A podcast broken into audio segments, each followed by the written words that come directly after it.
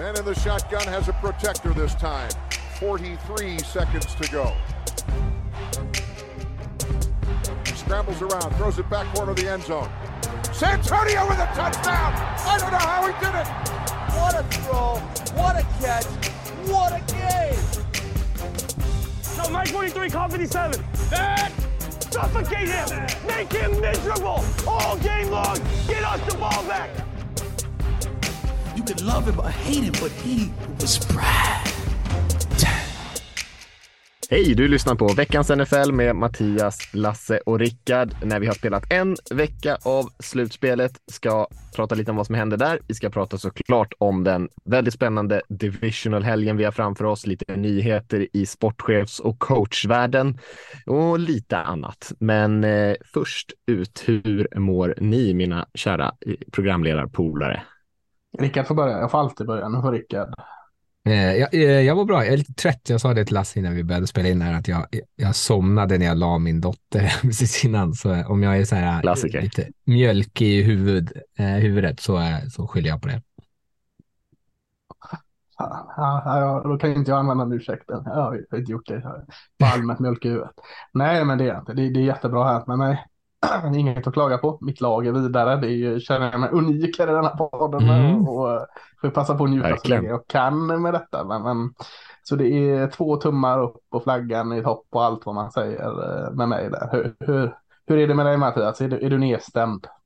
Eh, nej, nej, det ska jag inte säga. Det är ju ändå onsdagskvällen och jag har kommit över det, eh, den värsta sorgen. Och så var det ju kanske inte så jätteoväntat att Sio skulle ha det lite svettigt mot 49ers. Eh, så det, det kom jag över rätt fort. Men eh, det är klart, det, jag tycker ändå i och för sig, ska man åka ut i slutspelet eller någon, någonting annat så ska man ändå åka ut med att göra en ganska hyfsad insats tycker jag. Det värsta är när man verkligen, och så ser man liksom inte man kommer inte ut och levererar helt enkelt. Det tycker jag är värsta sättet, eh, tycker jag just Mm. för si också. Gjorde de ändå det de kunde, de mötte bara helt enkelt ett mycket bättre lag och då kan man inte göra så mycket mer. Ja, fint. Stort va? Stor i förlusten. Mm. Ja, men, Ja, det är sån jag är. Sån jag är. Eh, ska vi, eh, vi kommer som sagt till de här recap-matcherna, men eh, Eh, och vilka lag som ska spela i divisionen. De flesta har väl redan hört det såklart, så att eh, vi kan väl börja med lite nyheter som har kommit runt om i ligan här. Det händer ju lite grejer. Det har inte hänt så mycket på huvudtränarspåret än så länge. Lagen har fullt upp med att intervjua kandidater. Eh, vi har sett några till som har fått sparken. Chargers har sparkat sin OC, Lombardi där och QB-coach. Ehm, så Browns hade anställt Jim Schwartz som defensiv. Men i övrigt så är det så håller de fortfarande på lagen och liksom eh, kollar läget där ute och vad som finns tillgängligt helt enkelt. Jag tycker man kan nämna att det är två lag som har anställt en ny sportchef. Eh, av någon anledning så gick det lite fortare än för huvudtränarna där. Man, kanske hade man redan gjort lite eh, lite jobb på den fronten innan man valde att gå vidare från sin nuvarande. Och man kan, vi kan börja med Arizona Cardinals eh, som har anställ, anställt Monty Ossenfort som sin nya sportchef. 44 bast. Han har varit de tre senaste åren här med Titans och innan det var han 15 år hos Patriots. Kanske framför allt de sista fem då som han hade ett lite högre uppsatt jobb när han var Director of College Scouting och sen gick han till Director of Player Personnel. Jag vet inte om man ska nämna det direkt, där kan man väl säga att det finns lite olika titlar i den här världen. Sportchefen brukar ju vara högsta hönset. Director of Player Personnel brukar vara den som har huvudansvaret under honom eller henne om det nu skulle vara en sportchef som är kvinna, det är inte jättevanligt i NFL. Och sen så har vi ju de som håller i college-delen, om man scouta scoutar college-spelare och så finns det de som är pro personnel scouts då. Då scoutar man liksom spelare som finns i andra lag i NFL. Så eh, med lite, eh, gick lite omvägar där innan vi kom fram till den nyheten där att Monty Ossenfort är nya sportchefen i Cardinals. fin nyttig information på vägen där fram till nyheten ändå tycker jag. Eh, den eh, Director of College, vad, vad hette den? Director of College. College scouting brukar de oftast kalla det. Eh, Ja, lite olika.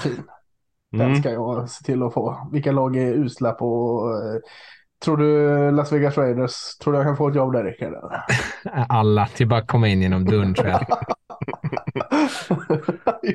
Måste vara han i en skön så här enfärgad mjukisdress som liksom matchar Mark Davis Ja. stil. Precis, dra helvit. ett- Dra Mm. ett finger riktigt över det skrivbordet så. Och bara känna dammet ligga där. Ingen vågar ta det jävla ja, nej, men det, det hade varit god. Ja, jag har inte mycket att säga om han eh, faktiskt. Jag har dålig koll. Eh, så jag, jag har inget Mm. att flika in där om det är bra eller dåligt. Det, det vågar inte jag ge mig på att säga något om. Nej, det är så svårt med de här, de jobbar ju så mycket i bakgrunden. Alltså bara prata GMs, ju, eller sportchefer generellt är ju, är ju svårt och de som jobbar under dem är ännu svårare. Men var han, från Titan, sa du Mattias? Mm, senaste tre åren har varit där. Innan det är intressant. Det känns ju inte som att man tänker på Titan som att så här, det, är, ett av de lagen som har draftat bäst av alla. Eh, Men och, och det är, här, återigen, det är kanske lite samma som vi hade den här huvudtränardiskussionen senast. Det kanske inte alltid är den bästa scouten man måste ha som högsta hönset, utan kanske en, den bästa ledaren. Men visst, så kan det ju vara. Och med tanke på att de kickade sin eh, general manager i Titans så har de ju inte draftat eh, jättebra. Nej. Och, eh, och den här killen intervjuade för det jobbet och fick det inte in i internrekryteringen där. Eh, för Titans anställde istället en kille som heter Ran Carthon som sin nya sportchef då. Och han är ännu yngre. Det är ju ganska unga personer ändå. Han är bara 41 och har haft lite av en blixtkarriär. Han körde eh, tre, fyra år där som scout innan han blev director of player personnel i Rams eh, i ungefär fem år. Så det gick väldigt fort. Ram, hette han Ram och var nej, personnel i Rams? Tyvärr inte Ran med en på slutet där. Ah. Eh, och sen har han varit eh, pro personnel chef och eh, player personnel sen är chef i slutet då, som är lite högre titel då, i 49ers från 2017. Så att han har ändå varit i ganska eh, lag som har varit framgångsrika då. Har varit först i Rams och sen i 49ers. Mm. Och lika mycket dold han. Han har i alla fall en spelarkarriär bakom sig och det, det hade, har ju inte Ossenfort. Så att eh, kanske någon gammal räv som känner igen hans namn, men annars också en doldis såklart. Ja, Mm. det intressanta blir väl sen vad de kan få liksom, eh, ringa in för huvudtränare också, framförallt om de är så här, ah, jätteunga vet man inte heller vad de har för kontakt, eh, nätverk och såna grejer. Men eh, det får, det får vi väl se här framöver. Ja, och Carthon kommer ju troligtvis eh, vara underställd Vrabel i Titans. Så att eh, Vrabel är ju till Ja, och med eh, några år äldre än honom. Så att han, det är väl, jag tänker att han kommer väl kanske inte ha den här riktiga makten kanske. Ossenfort kanske har lite mer att säga till om där och få vara med och eh, anställa headcoach och sånt där i Mm. Cardinals.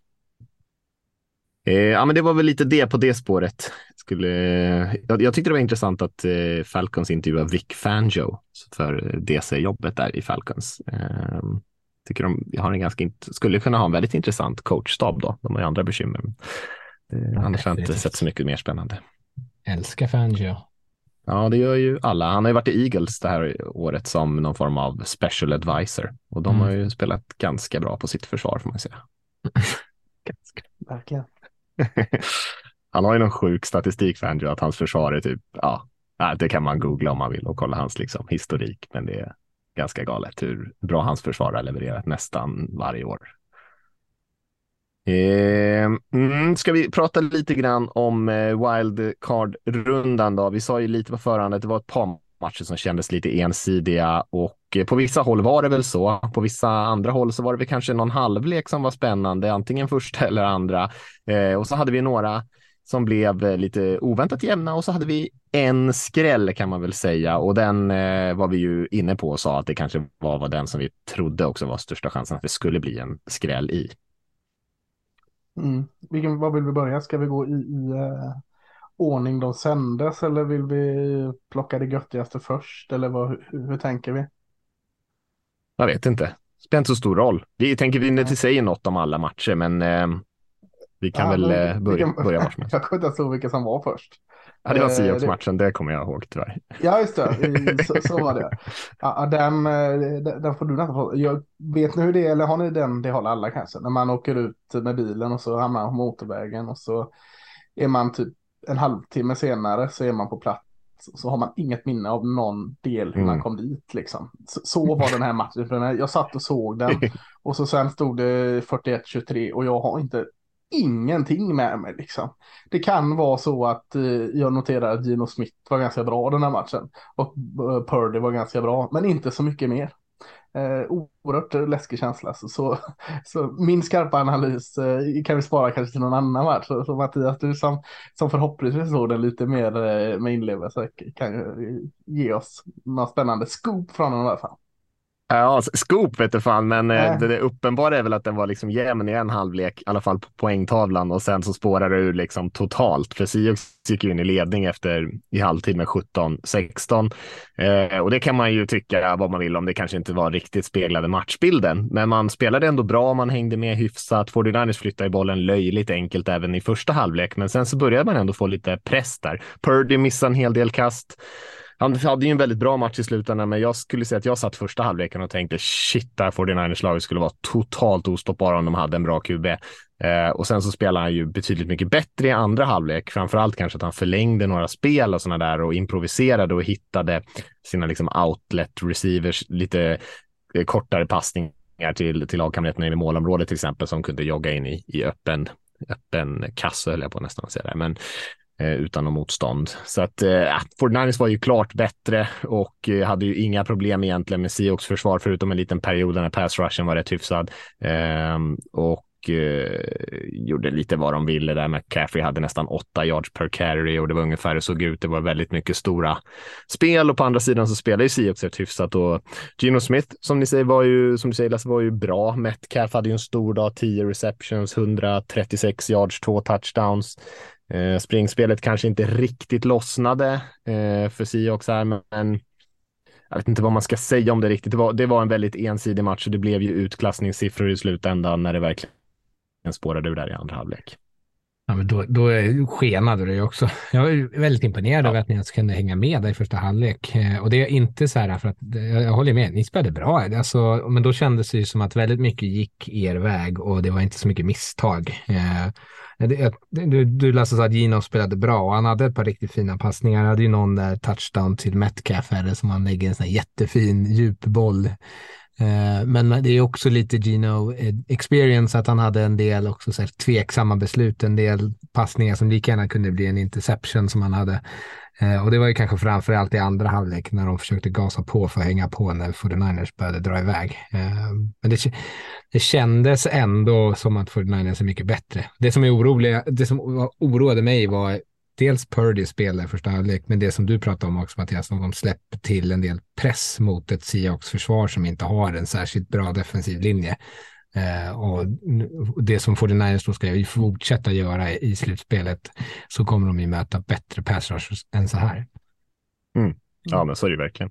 Man lyckades ju heller inte, om man ska vara ärlig, Ja, man, man var lite upp och ner i sitt, i sitt eh, spel överhuvudtaget, med, med, med, speciellt med springspelet. Då, att det kanske var några, några riktigt stora spel, men det var också många spel där man kanske eh, hade ganska problem att flytta på linjen. Liksom. Och sen så hittar man de här, så tjänar han långa crossing routes och mm. såna här grejer där man bara, ja, man blir så hopplöst less när man ser att det liksom springer receivers och det är ingen försvarare inom 10 yards så plockar de upp liksom 35 yards och så gör de det åtta gånger i en match. Liksom. Um, men det är lite så det här systemet fungerar. Och så, så var ju också mycket av Purdys yards och stora spel i början av matchen var ju totalt vidöppna spelare. Mm. Um, och sen, sen gjorde han mycket bra sen när pressen var på honom lite grann och han var tvungen att och liksom, och steppa upp lite. Då, då spelade han faktiskt bra här i andra halvlek. Men eh, det var inte några jättesvåra passningar där i första delen av matchen. Två av de där touchdownen som han har mot är väl till en running back eh, någon gång där han liksom håller på och scramblar hur länge som helst och sen så, så tittar han upp och så bara, oj, där är ju McCaffrey vidöppen eller någon annan vidöppen. Det är typ ingen annan på hela planhalvan i stort sett. Um, Oh. Nej, visst är det. Eh, nej, vi behöver inte lägga så mycket mer tid på den matchen. Fortnite såg lite ut som en maskin här såklart. Det finns alltid saker man kan diskutera, men de var ju det överlägset bästa laget och man hade nog kunnat spela den här matchen ganska många gånger och de hade vunnit en väldigt stor andel av de matcherna. Mm. Vad hade vi sen där på lördag? Det måste varit lördag natten i så fall, va? Um, ja, eller 22 matchen var väl Chargers Jaguars, va? Eh, nej, det måste varit på natten va? För Seahawks-matchen var väl ändå 22. Eh, det här var ju lördagskvällen. Det var ju bara på söndag det började 19. Ja, just, just Men var det Chargers? Vi kan prata om Chargers Jaguars. Jag har dem inte i tidsordningen så jag har glömt bort. Men vi kan prata lite Chargers Jaguars. Det, är väl ingen, det gör väl ingen skillnad egentligen. Ja, det var väl en jämn match rätt igenom. Det var ingenting som flippade i form av, av momentum och possession i den. Jag kan inte ha suttit och sovit i den heller. Nej, men ja, den är ju jätteintressant att prata om eh, såklart. Eh, ur eh, väldigt många liksom, perspektiv. Jag tycker Trevor Lawrence är ju det roliga att prata om här, alltså de två ansiktena totalhyllad är han ju efter Jaguars vann ju här 31-30. Totalhyllad blev ju han efter den här matchen. Men alltså, det är inget som har pratat om han hur, hur uh, vilsen han var i första. Visst, uh, Chargers försvar och uh, Samuel framför allt gör, ju, gör det ju jäkligt bra. Men vad är det, fyra uh, interceptions? Ganska tight också kommer de liksom. Ja, uh, väldigt tidigt i matchen. Ja, uh, och, och, det är ju riktigt dåligt att Trevor Lawrence. Alltså, jag satt bara och tänkte, Dack som alla gillar att prata illa om. Tänk om han skulle haft den halvleken, fy fan, han hade ju aldrig kunnat visa sig längre. Sen är det ju förbannat strångt av sig att skaka av sig det och, och spela den andra halvleken han har där. Och eh, samtidigt ställa frågan, vad fasken eh, Los Angeles Chargers sysslar med i andra? Är det tre poäng de sätter upp totalt i andra halvlek eller? Ja, mm, så är det. Går de Stod 27-0 där ett tag. Sen ja, går de ändå ut liksom med, med, stora mantrat är att ja, men vi ska inte släppa på gasen här, liksom den här halvtidsintervjun. Liksom, ja, vad kan vi ta med? Alltså, ja, vi ska absolut inte släppa på gasen när vi ska fortsätta köra. Och så är det ju precis det de gör, de släpper på gasen. Och, och kan liksom, det är den här kvicksanden vi har pratat om innan, liksom, de kan inte ta sig ur den. De, de kan inte ställa om. Så en galet, eh, galet. Jag var så oerhört nära att stänga av den i, i halvlek. Och, och tänka du var nog inte ensam. Nej, eh, men hade inte något bättre för mig så jag kan lika väl kolla klart den och det är jag väldigt, väldigt glad att jag gjorde. Ja, jag, satt, jag spolade ja. faktiskt fram för att jag såg den i efterhand. Så när det stod 27-0 så bara, vad fan står det i halvtid i alla fall? Och så bara 27-7, ah, okej, okay, det kanske blir match av det här. Och så började jag titta därifrån. Nej, jag håller med. Man, man pratar för mycket, för mycket om att Lawrence gjorde en fantastisk andra halvlek och för lite om hur dåligt han egentligen spelade i första. För jag skulle snarare säga att Chargers försvar gav, ifrån, gav den här matchen genom att liksom slå om från vad de gjorde i första halvlek till att börja spela konservativt och backa bak och tillåta långa serier och bara såg till att det inte blev stora explosiva spel. Så då fick han ju lite mer tacksamt försvar att spela mot än vad han fick i första halvlek. Och är liksom, får man som defensiv tränare se, okej, okay, han kastar fyra stycken interceptions och de har typ, eh, deras andra drive är typ en three and out, eller deras andra två som inte slutar i interceptions är en three and out. Eh, så känns det som att man hittar så här, okej, okay, så här ska vi stoppa Trevor Lawrence. Och det är ju, eh, kommer ju åtminstone eh, Chiefs som de då möter kunna utnyttja. Mm. Ja visst, nej det, det är klart att eh, eh Lawrence gör ju inte en bra match. Det, går, det, kan man ju aldrig säga. Det spelar ingen roll om han kastar fyra touchdowns i andra halvlek. En bra match gör han inte. Han gör en jäkligt bra comeback i den här matchen och det är ju starkt som du säger Lasse. Och jävligt häftigt att man lyckas vända den, men det är, man, man ska ju inte kunna vända den heller. Det är ju för att Chargers också totalt ställer sig på bromsen i sitt eget anfall och, eh, och spelar väldigt konservativt. Jag tyckte man kände tidigt att Jaguars kommer komma ifatt. Jag tyckte det var liksom inte... När de, när de... Det menar inte i första halvlek tror jag. Nej, men ganska tidigt in i liksom andra när de ändå ja. gör sitt, liksom, sin andra touchdown, då tänker man alltså de kommer komma ifatt i den här matchen. Alltså för de hade så, det var så gott om tid. Det kändes inte ens stressat tycker jag den här comebacken. Alltså det var ju ändå ja, de, det var en ganska bekväm liksom, comeback och Chargers var ju helt passiva. Och samtidigt är det också svårt att säga vad de gjorde fel. Alltså det var ju, det var ju några beslut där de kanske kunde ha spelat på fjärde till exempel istället för att kicka det där field goalet. De gjorde ju en massa slarv. Joey Bosa till exempel hade ju två flaggor på sig i den här matchen för unsportsmanlike och var ju rätt osynlig på planen, eh, speciellt i andra halvlek. Eh, så att, ja men det är klart, men, men liksom så här rent vad var det de gjorde som var så himla dåligt? Det är ganska svårt att svara på förutom att de spelade väldigt, väldigt konservativt och passivt. Och jag tyckte inte att Justin Herbert gjorde direkt en dålig match heller. Uh, man hade i stort sett inget springspel som fungerade Nej, i Chargers. det tänkte jag liksom, alltså gav upp på det också väldigt uh, enkelt. Alltså, vad, vad sprang man typ, uh, kan inte varit många, kan absolut inte sprungit mer än 20 försök. knappt över 15 kan jag tänka mig. Alltså Visst, det såg väl inte jättebra ut, men, men eh, in i, i, i Redson så är de effektiva. Där springer de in touchdowns. Alltså jag tycker man ger upp på Eckler är, ju liksom nöt honom mer liksom. Eh, I varje fall när du ska, du ska ju kontrollera klockan veckan här också.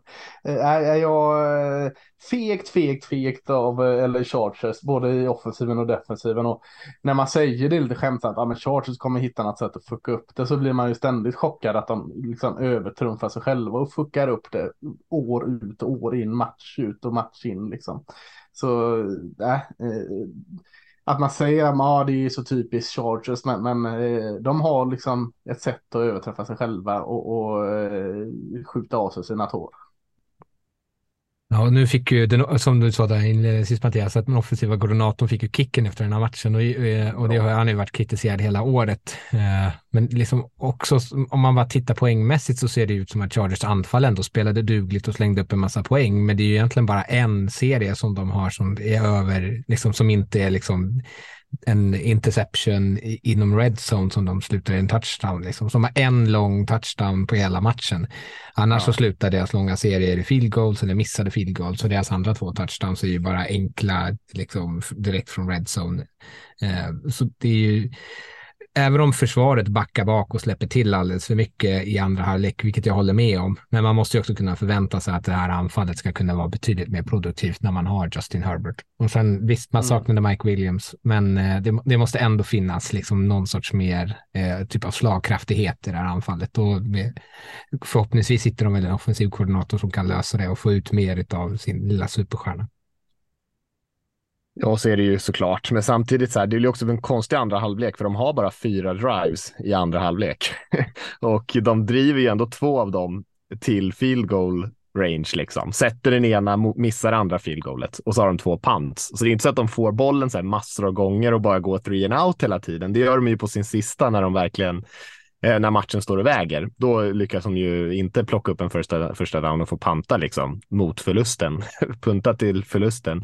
Men, men innan dess så har de ändå bara eh, har de ändå varit, liksom, haft hyfsade drives. Eh, liksom första driven var sju spel, andra var sju spel åt field goal och and, tredje driven var 14 spel för en field goal miss. Och sen så har de den sista panten. Så att, ja, jag vet inte, det var så knäpp match. Jag tyckte andra halvlek kändes så jäkla konstig bara.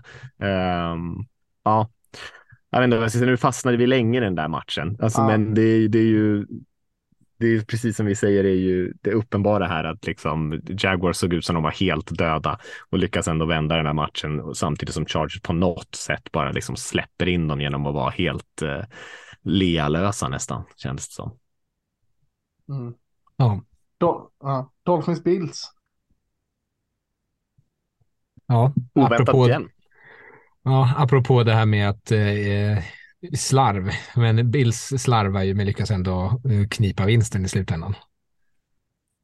Ja, för de gör, alltså visst är det inte, det här är fasiken ingen liksom eh, andas ut match, eller andas ut så att vi klarar av den här jäkla persen. Men man kan inte vara så jäkla lugn när man sitter liksom och tänker att i år är det ju, de är ju någon form av win now mode Bills här liksom att eh, det ska vara Chiefs som slår ut dem om de inte ska ha Super Bowl. Något annat är liksom inte tänkbart i Bills värld. Liksom, helst ska de eh, ha revansch på Chiefs sen, eh, sen sist. Men, men jag tycker också att Dolphins ska absolut inte be om ursäkt för den här matchen de spelar. Eh, med tanke på förutsättningar. Skelly Thompson eh, som, som quarterback här.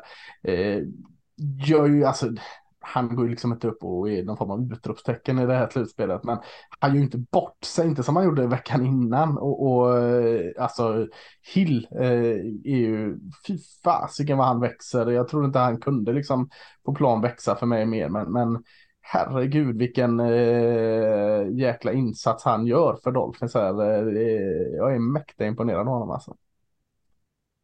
Mm, det här var ju också typ eh, den längsta match jag sett, höll jag på att säga. Den var jäkligt bra. Ni fick ju till och med skjuta på den andra matchen och det är för att inget av lagen sprang bollen överhuvudtaget. Nej. Bills hade ju några rush yards, men liksom eh, Dolphins var ju helt hopplöst ointresserade av att springa bollen och när de gjorde så var det katastrofdåligt.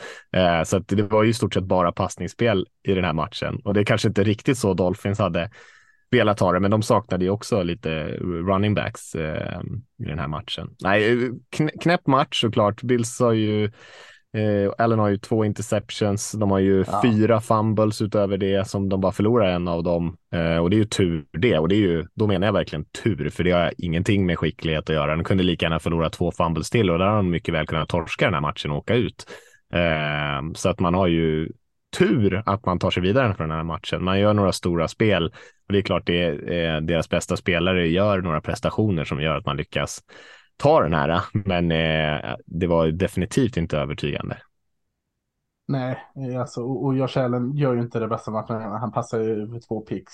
Men samtidigt, han, han levererar ju också tre eh, touchdowns. Eh, och, och, det är ju så här han är. Ibland får man mindre av det ena eller mer av det andra. Liksom. Så att det är inte jätteöverraskande. Han gör de här dipparna ibland, Josh Allen. Eh, och, och är det här en dipp då att han gör det? Jag vet inte, vad passar han för?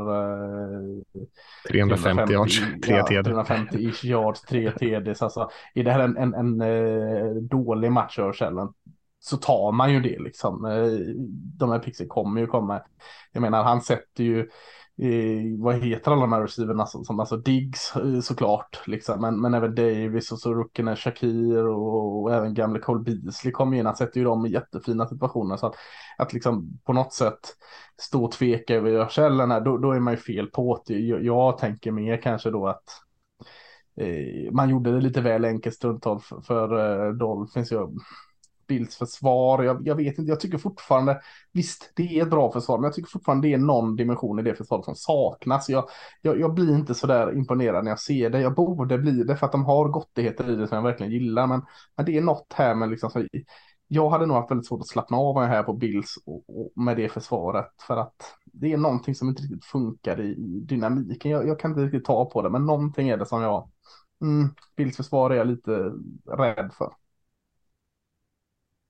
Ja, eh, alltså jag, jag, tycker ju att man kan ifrågasätta Allens kanske bollsäkerhet på de här fumblesen, för det tycker jag är så kast. Men det är också en match ja, där, där Dolphins försvar spelar eh, de spelar på ett sätt som, som också speglar hur det går för Bills anfall. För att de spelar ganska mycket cover zero, alltså där de bara kör man-man och resten blitzar. Och det är det som mm. gör att de kommer åt Josh Allen många gånger. Men också det som aggressivt. Gör, Ja, men precis. Men det också gör att man skapar väldigt stora utrymmen. Man kan titta på den här långa touchdownen till Diggs och tänka sig hur fan kan man lämna Diggs en mot en? Ja, därför att vid nästa gång de gjorde cover zero blitz så lyckades de sacka honom och få en fumble touchdown. Eh, så det var ju liksom också dels så liksom, visst man kan kritisera Bills att det är lite så här eh, hoppsan hejsan, att det ena delen ser de ut som världens bästa anfall och andra gånger ser det katastrofalt ut. Men det var också kanske det som var Dolphins defensiva gameplan överhuvudtaget när de klev in i matchen. Och det lyckades de ju med. Alltså jag menar, de Absolut. får ju ge dem verkligen tummen upp att de fick ju matchen exakt dit de ville. Det blev, ja. eh, det blev ganska stökigt, smutsigt, slarvigt eh, och som du säger väldigt högt och lågt här när de eh, ja, blitzar som tokar och, eh, och, och liksom spelade, spelade bra i den stilen. Liksom. Åkte på några smällar, men, men det, det visste de ju redan innan att de skulle göra. Det var totalt 31 stycken offensiva serier för övrigt i matchen. Mm. Alltså, det, är det, är lite skillnad från den där andra halvleken mellan ja, precis. och Chargers där med mm. 6-7 drives. Ja, eh, det är helt galet och därför tog ju matchen också som sagt en hel evighet. Lite för lång faktiskt för min smak. Jag började känna att det var liksom lite segt att matchen var så lång, även fast den var jämn. Eh, det var lite för långt det där. Jag tror den blev ju, måste ju passera tre och en halv timme i alla fall, nästan upp mot närmare fyra ja, lång var den i alla fall. Ja. Eh, Bills vidare i slutändan då. Då. Eh, då har vi några matcher kvar. Vi har tre matcher kvar. Vi var inte så snabba som vi hade tänkt här. Ska vi prata lite grann om... det var det allas fel. Vi kan prata om Ravens Bengals matchen till exempel som var eh, också lite oväntat jämn får man väl ändå säga och det stod och vägde lite grann och Ravens var nere och skulle ta ledningen med 24-17 hade de tänkt sig eh, när Tyler Huntley hoppade upp och försökte sträcka bollen över mållinjen, men där kom det någon och slog ut den och den ramlade ner och då hade han sina offensiva kamrater som var på puttade på bakifrån, för jag tror inte det var meningen att han skulle hoppa över. Det var nog meningen att han skulle göra en lite mer traditionell QB-sneak, så det var ingen där förutom Sam Hubbard i Bengals då, defensiva linjespelaren som plockade upp den och sprang tillbaka den för en, jag vet inte vad det kan ha varit, 98 yards touchdown eller någonting. Och då tog Bengals ledningen istället och höll den matchen ut. Så det var ju väldigt jämnt i den matchen också. Mm, oh. eh, ja, eh, all heder till, till Ravens som eh, gör den här matchen igen och Huntley tycker jag eh, spelar bra. Spelar bra ja. Eh, kanske bud på att säga att det var den bästa kuben i den här matchen. Clark Burrow är sådär tråkigt klinisk att han gör inte så många stora misstag men, men, men Huntley efter förutsättningarna var rätt fin eh, i sin spelstil. Så att, eh, kanske att jag hade ja, jag, jag, jag, jag tänkte säga att jag kanske hade hoppat lite mer på Ravens försvar, men, men eh, eh, att de skulle kunna få lite mer eh, press på eh, Eh, på Joe Burrow här, men eh, fick ju en del press ändå. Men, men eh, mm, jag vet inte, den inte riktigt övertygad om Bengals seger där heller. De vinner trots allt, men, men inte, inte övertygande. Nej, och vi kommer kanske lite till det med deras blockeringsspel också till nästa match här. Eh, saknade, saknade två linjespelare här, fick en tredje skadad dessutom och de har spelat nästan hela säsongen med samma fem, fått alla de här tre spelarna skadade de senaste veckorna.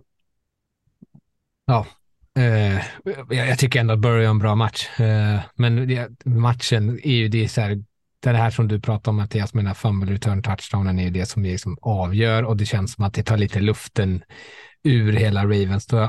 En, det var en 80 yards serie tror jag eller någonting som de hade eh, mm. liksom drivit ner för att ta ledningen så tappar man det. Det känns eh, som ett slag i magen och sen så har de en three and out direkt efter. Så, och då kändes det som att okej, okay, det här kommer de aldrig ta igen, även fast de bara är en touchdown ifrån. Mm, det kom ut lite skit där efteråt. Eh, Harbo var ju tuff eh, mot Huntley och sa att eh, man troligtvis hade vunnit den här matchen med Lamar och eh, även eh, running backen J.K. Dobbins tror jag det var som var ute och ja. var rätt kritisk. Eh, eh, eller snarare frågan om Harbo sa det där om att de hade vunnit det med Lamar. Det kan nog varit Dobbins som sa det. Det var Dobbins. Harbo sa, Harbo sa helt enkelt att Huntley ja, gjorde misstag helt enkelt. Men jag tycker nog snarare att Huntley spelade väldigt bra i den här matchen och gav dem en chans som de kanske egentligen inte borde haft eh, genom att spela så pass bra. Nu har jag, nu är jag ingen rookie så, men eh, det där misstaget blev ju kostsamt, minst sagt. Mm. mm. Vad ska vi prata om Giants Vikings matchen då som eh, också blev ganska spännande. En ganska rolig match tyckte jag. Eh, mycket anfallsspel och eh, Daniel Jones gör ju, skulle jag säga, den bästa matchen jag har sett från honom, kanske Håller någonsin. Uh, han, jag skulle säga att han var att det var lite oväntat att Daniel Jones var den här veckans klart bästa quarterback innan sista matchen spelades där. Nu finns det väl kanske mer av en diskussion att ha, men han var ju rent ut sagt dominant i den här matchen och han sprang ju bollen 17 gånger själv, väldigt effektivt. Han hade över 300 yards eh, och det var ju egentligen Giants anfall som liksom tog den här segern mot, mot Vikings. 31-24 i slutändan och Vikings kan man säga vad man vill om. Kassin spelade bra tycker jag, eh, men man lyckades inte med den här sista comebacken. Det var ju lite av en, eh, eh ska man säga, en ljummen klunk kaffe eller någonting annat som ska vara varmt på sista spelet där när man kastar bollen på fjärde down kort om eh, the sticks och blir tacklad och det blir lite, ja, suck slut på matchen finns, finns väldigt mycket kul att säga om, om eh, New York Giants i den här matchen. Eh, spela spelar olikt vad de, på det sättet de har vunnit tidigare, inte på detta sättet. eh, så tydligt i, i passoffensiven. Visst, man springer bollen framförallt och Daniel Jones springer den jätteeffektivt, men, men förutom honom springer man inte så jättemycket. Barkley sparar man ju lite på, eh, men att han tar, Daniel Jones har ju liksom, ja, det här är, är ju den bästa matchen Daniel Jones, och svinbra hur bra som helst. Men han har ju liksom hitt, hittat formen här i slutet av säsongen, smugit till sig och har sett bättre och bättre ut. Eh, inte varit så mycket snack om det. Jag hade ju har ju en känsla av, alltså det pratade de redan när eh, Giants draftade den och så sa han, ah, åh nej, eh, är det en ny sån här Eli Manning typ de får in här nu i Daniel Jones, liksom han hade ju, vad heter han, eh, Cutcliffe eller vad han heter, gamla QB-coachen som Manning också hade haft och Daniel Jones hade haft liksom. Och det är det ju inte. Det här är ju, kan jag använda sådana ben. Men, men det jag menar med Eli Manning, han var ju inte överlägset bra i grundserien. Han var ju slutspels-QB. Han har ju två ringar liksom. jag, jag vill lägga det på Daniel Jones nu. De, har de en slutspel, har de en ny Eli Manning i form av en, en eh, slipad slutspels-QB så kan det bli riktigt intressant. För, för eh, enormt trygg och säker. Alltså om vi bortser från de 78 yards som han sprang i, i passspelet, passar för över 300 yards. Eh, han och Slayton har ju ett jättefint samarbete. Det har de haft eh, i varje fall sen andra halvan av säsongen. Så det kanske inte var jätteöverraskande, men eh, han fick också igång säga Hodgins där som hade över 100 yards också. Så att, eh, jag är jättepositivt överraskad för eh, Daniel Jones och New York Giants offensiv. Ja, han gör, han gör en jättebra match. Utan att behöva liksom lägga några djupa passningar så, så är liksom supereffektiv och det här som vi har pratat om under säsongen med bara liksom beslutsfattning hela tiden. Eh, mm. Och Vikings försvar måste man också kanske säga bjöd på en del utrymme och är ju ett av ligans sämsta försvar under året och det vart ju kanske extremt tydligt i den här matchen tyckte jag. Mm. Verkligen. Adore Jackson, cornerbacken. Fasen, vi pratade om det förra mm. veckan att de har inte cornerbacken för att kunna sitta klistrad på Justin Jefferson.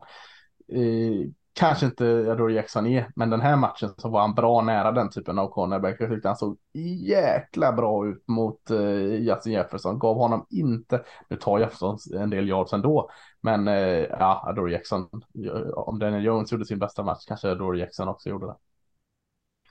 Mm, det var TJ Hawkinson som fick eh, flytta bollen för eh, Vikings. Mm. Där. Jag, såg någon, eh, jag såg någon kommentar om Cousins där också. Jag vet inte vad man ska säga. Liksom, Cousins är 31 av 39, 273 yards, två touchdowns, inga turnovers och en rushing touchdown i den här matchen också. Så att jag menar, han spelar ju en väldigt bra match. För det är ju försvaret. För nu, nu är jag lite grann om drives här, men liksom om man kollar på Giants drive så första driven 75 yards för en touchdown, andra driven 81 yards för en touchdown, tredje driven 85 yards yards för ett field goal. Sen är det halvlek. Sen i början på andra halvlek 75 yards för en touchdown. Sen pantar de en gång och sen är det 75 yards för touchdown igen och det är de enda poängen de gör i matchen. Eh, och det är ju liksom, det är lite svårt att slå den typen av eh, mm. effektivitet där, utan försvaret i Vikings är ju de som kostar om matchen här. Anfallet hade ju behövt spela nästan en perfekt dominant match för att man ska hänga med här. Och så funkar det ju inte varje vecka. Definitivt inte. Även fast det har sett ut så på Vikings i år, att det, att det ska funka varje vecka. Eh, sen hade vi sista matchen då, då, i den här enormt långa recapen vi skulle stöka av lite fort här. Där Cowboys mötte Buccaneers och det var i alla fall en ensidig affär från början till slut när Prescott avslutar. Han har ju haft en lite tuffare avslut på säsongen, i alla fall haft lite turnovers och här har han en clean match, fyra pass touchdowns, över 300 yards. Han springer in en touchdown också och eh, Cowboys är helt enkelt dominanta från början till slut, nollar Bucks i första halvlek eh, och vinner med 31-14 när de har plockat in lite garbage time poäng i slutet, Buccaneers där ja, inte så mycket att säga om den här matchen egentligen. Eh, alltså, Dak Prescott, om Daniel Jones gör sin bästa match så är det bud på att det är Dak Prescotts eh, kanske bästa match. Allting klickar, försvaret klickar, offensiven klickar eh, och väldigt lite klickar för, för Buccaneers. Så det är väl en snabb summering om vi ska lyckas summera någon match lite snabbt i varje fall. Mm. Ja, jag, jag, behöver inte lägga, ja, jag behöver inte lägga till Men någonting du, mer på det. Nej, du vill ju ta upp eh, extra poängen där eh, Mattias. Du... Ja, det var ju det var ändå extremt fascinerande tyckte jag. Ja, eh, ja Maher där som, eh, ja det kunde kan varit lite mer poäng i den här matchen. Han missar ju fyra raka extra poäng eh, och han missar ju sin sista under regular season också, så han hade fem raka missade extra poäng, vilket är ändå något i hästväg. Alltså jag skrev ju i våran ja, Slack där att snittet förra året tror jag, var det förra året? Ja, förra året när det var ett riktigt så dåligt år för extra poäng eh, så, så var liksom snittet eh, 92,5 procent satt i alla fall. Så att i vanligt fall så är det ju liksom uppåt 95 procent eh, makes på de här och då missa fyra i rad i en Ja. slutspelsmatch eh, är ju eh, Ja, helt vad enastående det var. fascinerande. Det var. Han har varit jättebra hela året också. Så eh, Ja, ja. det- Det kom från ingenstans. Jag tror han missade sin enda extra poäng var den i sista regular season matchen. Han satt alla och så missade han fem raka. Nej, det är helt galet. Nej, fan, ska jag ha en liten god twist i den matchen. Ja, faktiskt. Tur att du hade någonting att snacka om i alla fall för kommentatorerna. Men tur att det var en sån här match får man ju ändå säga. Ja, Ja, som, eh, definitivt. För det där är ju en mardröm om han hade gjort det där i en tight match. Eh, bara, han är väl kvar och han är väl inte så att de har liksom kickat han eller någonting. Han är Nej, fortfarande, nej, så han ska ju kliva in på extra poäng här i nästa runda också. Förhoppningsvis har han skakat av det här lite grann då. Träna två poängare hela veckan. Jag kan vara. Han satte en extra poäng i slutet på matchen, måste han väl ha gjort va? han. Ja, så att han fick repa sig lite grann. Mm. Ja, ja nej, det var ju intressant att se bara tyckte jag hur, eh, hur det kan gå Ja. ibland. För alltså, En extra poäng känns som att man själv skulle liksom sätta rätt, rätt hyfsat många i alla fall. Mm. Lite annan situation kanske i en slutspelsmatch i NFL. Eh, ja, eh, nu har vi äntligen kört en liten recap där. Cowboys eh, och Bucks fick en ganska kort där. Det finns ju, det som är mest intressant är väl vad som ska hända med Brady där från den matchen. Mm. Alltså att Cowboys går ju vidare och spelar en mer spännande match den här veckan som vi ska prata om. Men vi får väl återkomma till, till Brady. Han, eh, Ja. Det snackas ju mycket om hans öde, men ingen vet ju särskilt mycket hur han tänker. Eh, vi har ju divisional ja, och då kan vi väl bara börja med att säga vilka matcher vi har. Vi har ju två matcher på lördagen. Det är ju 22.30 då är det Jaguars som möts, möter Chiefs på bortaplan då, eller det spelar i, spelas eh, i Kansas City. Och sen är det Giants hos Eagles på natten 02.15. Sen har vi två söndagsmatcher 21.00 och halv ett. Den första Bengals eh, hos Bills och sen Cowboys hos 49ers. Fyra spännande matcher, minst sagt. Man kan också säga det som blev en liten eh, sån där eh, grej som eh, studsade runt på sociala medier var ju hur unga quarterbacks vi har i den här rundan, eh, där eh, faktiskt Dak Prescott är den äldsta på 29 bast och jag tror att vi har en snittålder runt 25 någonstans eh, och flera av dem är ju eh, nere mot kanske typ 23 års åldern sådär. Ehm, så att en, en väldig massa unga quarterbacks som har tagit sig vidare till divisionrundan i år. Mm. Ja, det är tronskifte kanske. Brooke Purdy är QB1 nästa år in i säsongen. Just det. MVP-favorit. Ja, Fem av dem är väl fortfarande på sin rookie-kontrakt också då va? Måste de ju vara. Purdy då förstås. Mm, Burrow är fortfarande Lawrence, Jones och Hurts är allihopa. Mm.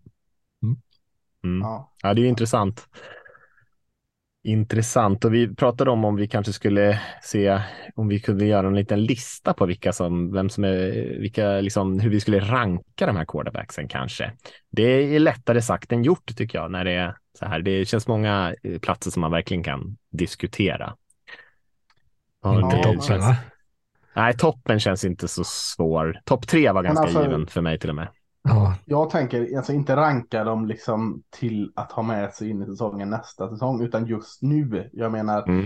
eh, för det finns ju ganska intressanta, om, om vi tar dem då, då liksom, Trevor Lawrence med sin första halvlek och sin andra halvlek. Intressant att tänka hur han är just nu. Brock Purdy, visst han spelar bra, men, men ja, det fanns en anledning att han valdes eller sist i draften. Jalen Hurts kommer in småskadad, eh, eller han ska alla vara hel nu, men eh, spelat eh, en av de tre sista matcherna. Daniel Jones kommer in med sin liftmatch, Joe, Joe Burrow kommer in och verkar vara Mr Cool fortfarande. Josh Allen kommer in och är lite slarvig i sin bollhantering. Dak Prescott eh, svindålig mot Washington från att bli svingrym mot Tampa Bay här och så Patrick Mahomes och så, som eh, väl alltid är helt grym. Alltid svinbra.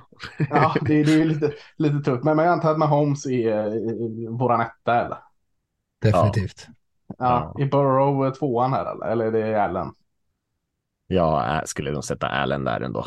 Jag kan nog Ja. diskutera det, men om man är lite på det som du du är inne på, Lasse, med vem som är hetast just nu, så tycker jag ju Ja. Burrow spelar fenomenalt. Ja, nej men det här är just nu, för QB-rankings gör man ju döda och alltså, jag tänker just nu i slutspelet här. Så jag Ni tar ingen Så, hänsyn så till sätter vi liksom, Burrow där. vi Ja, tar ingen hänsyn till liksom förutsättningarna de går in i den här matchen, för jag tror att Burrow kommer ha lite svettigt med sin linje och såna här grejer, men det, det ska vi inte bry oss om nu, tänker ni. Ja, det kan vi gå in med också. Jag sätter ändå Burrow där. Ja, ja. ja får jag ge mig. Och så, och så Allen trea där då. Men sen, blir det intressant. Eh, logiska valet här hade varit på Jalen Hurts, men han kommer liksom eh, eh, jag kan inte tänka mig att han är helt återställt liksom. Och, och eh, såg lite seg ut sista matchen där mot Giants och var eh, borta för skada två matcher innan. Men, men eh, jag tänker utmanarna här då kanske är alla utan Brock Purdy. Eller ska han vara med i matchen? Eh, vem som blir nummer fyra? Han är ju het, det får man ju säga. Men, Ja. eh, Ja, nej, men. Han är inte med i snacket, nej. nej. Nej, det är väl inte eh, Lawrence heller om man ska vara riktigt ärlig. Eller tänker ni att han är het då efter det, sin andra är halvlek? det NFC, en NFC East-fight här då? eh, Vilka, Ja, det tycker jag. Ja, Jag sätter nog Jalen. Hurts här ändå, eh, trots att han är lite, lite skadad. Eh, vi har sett det absolut bästa av Jones och Prescott där. Det är, kanske går ner dem ett snäpp. Så jag hade nog satt Jalen Hurts som fyra. Det håller jag med om. Det gör jag nog också. Jag tror inte att det är helt negativt med tanke på hans spelstil eller att han har fått vila lite grann. Sen är han ju, Mm. ja, vila med ofrivillig vila får man väl säga. Ja. Men han är ändå varit borta lite. Sen att han fick den här matchen, det var nog ändå bra även fast han inte spelade så himla bra. Men ändå bara komma ut så att han inte kom direkt från skadan. Det, så jag tror ändå han kommer, han Han kommer sprang ju inte så mycket heller sista matchen, så då tog de ju bort en del av det som gör honom unik. Ja.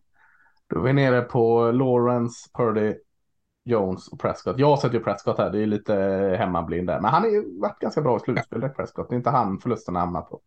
Jag håller Nej, jag med. håller med 100 procent. Ja. Alltså Jones är ju lite mer orolig för om han verkligen ska kunna repetera det. Jag tror Prescott kan definitivt göra liksom bra Mm. matcher slutspelet igenom. Det skulle inte förvåna mig.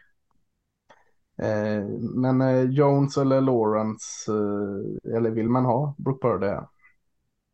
Jag skulle sätta Jones där och det, och det kommer folk säkert kanske tycka är helt galet. För jag, jag, nu, har jag, sett efter Lawrence andra halvlek att man liksom tycker att han är typ topp fem QB i Ja. ligan. Eh, vilket är helt absurt. Eh, det det finns liksom en anledning till varför han, han hade sådana stora problem i första halvlek med att läsa liksom coverage som de höll på och, och kasta omkull. Eh, och hans beslutsfattning är, är, har hela hans karriär varit långsam. Så jag skulle nog snarare lita på att Jones inte kastar bort eh, en match och Lawrence skulle lika gärna kunna. eh, Jag förstår att det finns liksom ett tak där, men han har också många sådana här ank eh, spel som han hade senast. Mm. Ja, men jag, jag är också med med Jones där faktiskt. Eh, sen är ju Jag frågan om man, om man ska gå situationen de ställs in.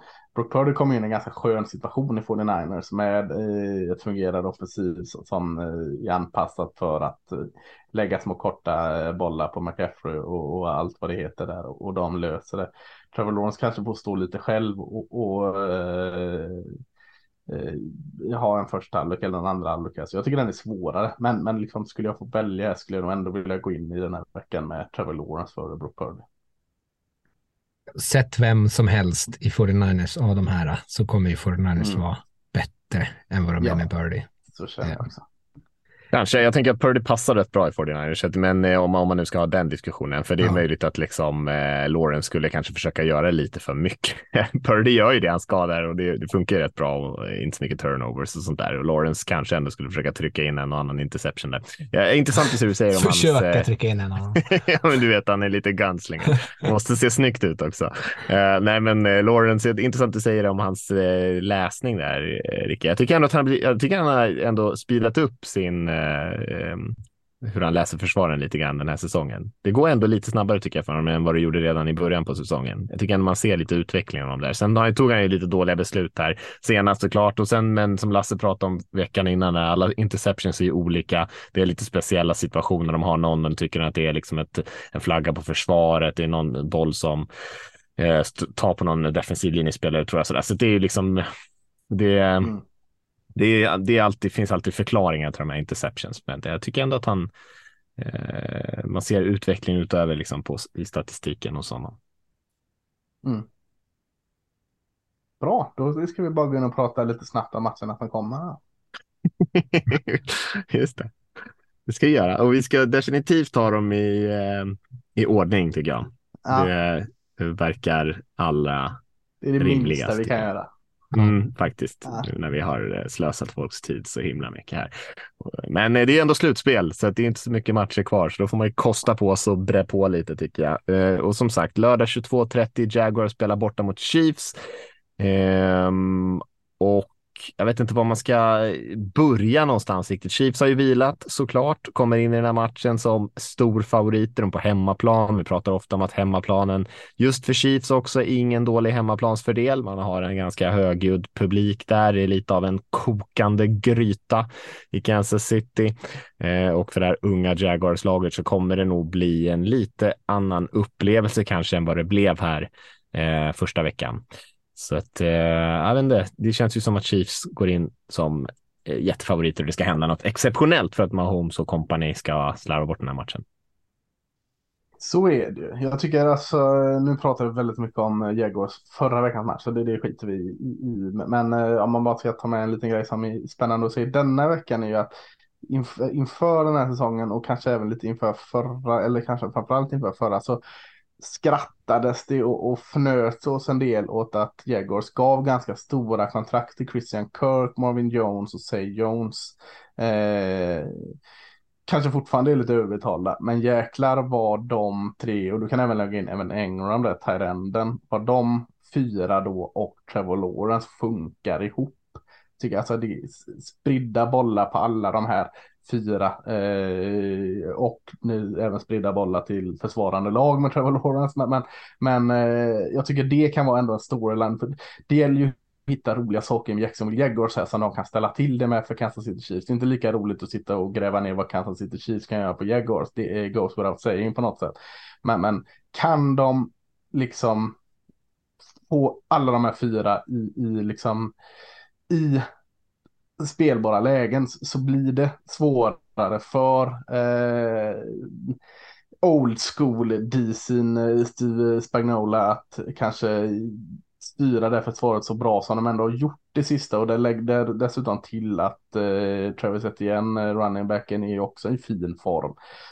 Så, tror jag i alla fall att eh, Jaguars kan ställa till det för Chiefs försvar eh, en hel del. Eh, så, så, det är någon form av storyline, liksom ett hot som jag tar med mig att Jaguars kan komma med till Kansas City i varje fall. Ja, eh, det, det, tänker att det finns någonting i att de kan, om de ställer upp med massa wide receivers, att man försöker utmana Chiefs djup på cornerback-positionen, för de har mm. kanske inte ett jättebra djup där. Eh, och, och, det, som Raiders-supporter, så när, när de möttes den första eh, matchen under säsongen, när Raiders, eh, då ställde Raiders upp med ganska mycket av sina offensiva skillspelare och tvingade då Chiefs eh, liksom rulla ut sina eh, lite rookies framförallt då, eh, som såg eh, ut och ut på djupt vatten. Eh, och, och, det kan jag tänka mig kan, kan störa till det lite. Eh, eh, men det som jag kanske tycker känns mest intressant är ju det här, lite samma sak som det var då med Lawrence mot Chargers. Att Chargers är ett lag, eller då i alla fall har under säsongen haft ett försvar där man har liksom skiftat väldigt mycket från vad man ser ut att göra pre-snap till vad man faktiskt verkligen gör sen. Och det är ju Spagnolo och Chiefs i ett nötskal. Eh, mm. Så jag, jag, tror att de kommer kunna ställa till det ganska rejält för honom med att liksom se ut och göra en sak och sen göra någonting helt motsatt. Eh, och då kanske framförallt i de liksom, olika typer av blitzpaket för att sätta press på, på Lawrence. Eh, så, så, han behöver ju se till att han inte är så vårdslös eh, och liksom kastar sådana puckade interceptions. Eh, absolut vissa av de här som han, eller några är inte hans fel mot Chargers, men ett par av dem är helt Alla är lite hans fel i alla fall. ja, det tycker jag. Eh, men i alla fall eh, några är liksom bara att han kastar den liksom helt fel, till helt fel ställe. Eh, så där tänker jag att det kommer vara eh, skakigt och de har ju inte råd att hamna liksom back mot Chiefs, för deras anfall kommer ju trampa på oavsett om de leder med 27-0 eller inte och fortsätta trycka upp poäng. Mm. Sen vet jag, jag tänker att... Ja, kör ja, ja, jag tänkte bara en, en, en kort inflykt där. Att, Doug Peterson kommer ju från Andy Reid eh, coachingstab. Eh, mm. Innan han gick till Eagles så var, kom han ju, eh, från Andy Reid och Chiefs. Så jag vet inte hur mycket vikt man ska lägga i att Doug Peterson kanske har lite i, liksom, tankar och idéer kring eh, Andy Reid. Eh, samtidigt kan ju Andy Reid ha eh, åt andra hållet. Men, men det jag vill säga att det är en ganska rolig liksom, offensiv eh, matchup me mellan två eh, oerhört eh, imponerande offensiva coacher, Reid och Doug Peterson. Så att eh, det vill man ju också se fram emot, den här fighten, offensiva fighten. Verkligen, och de är ju rätt lika också deras ja. eh, system.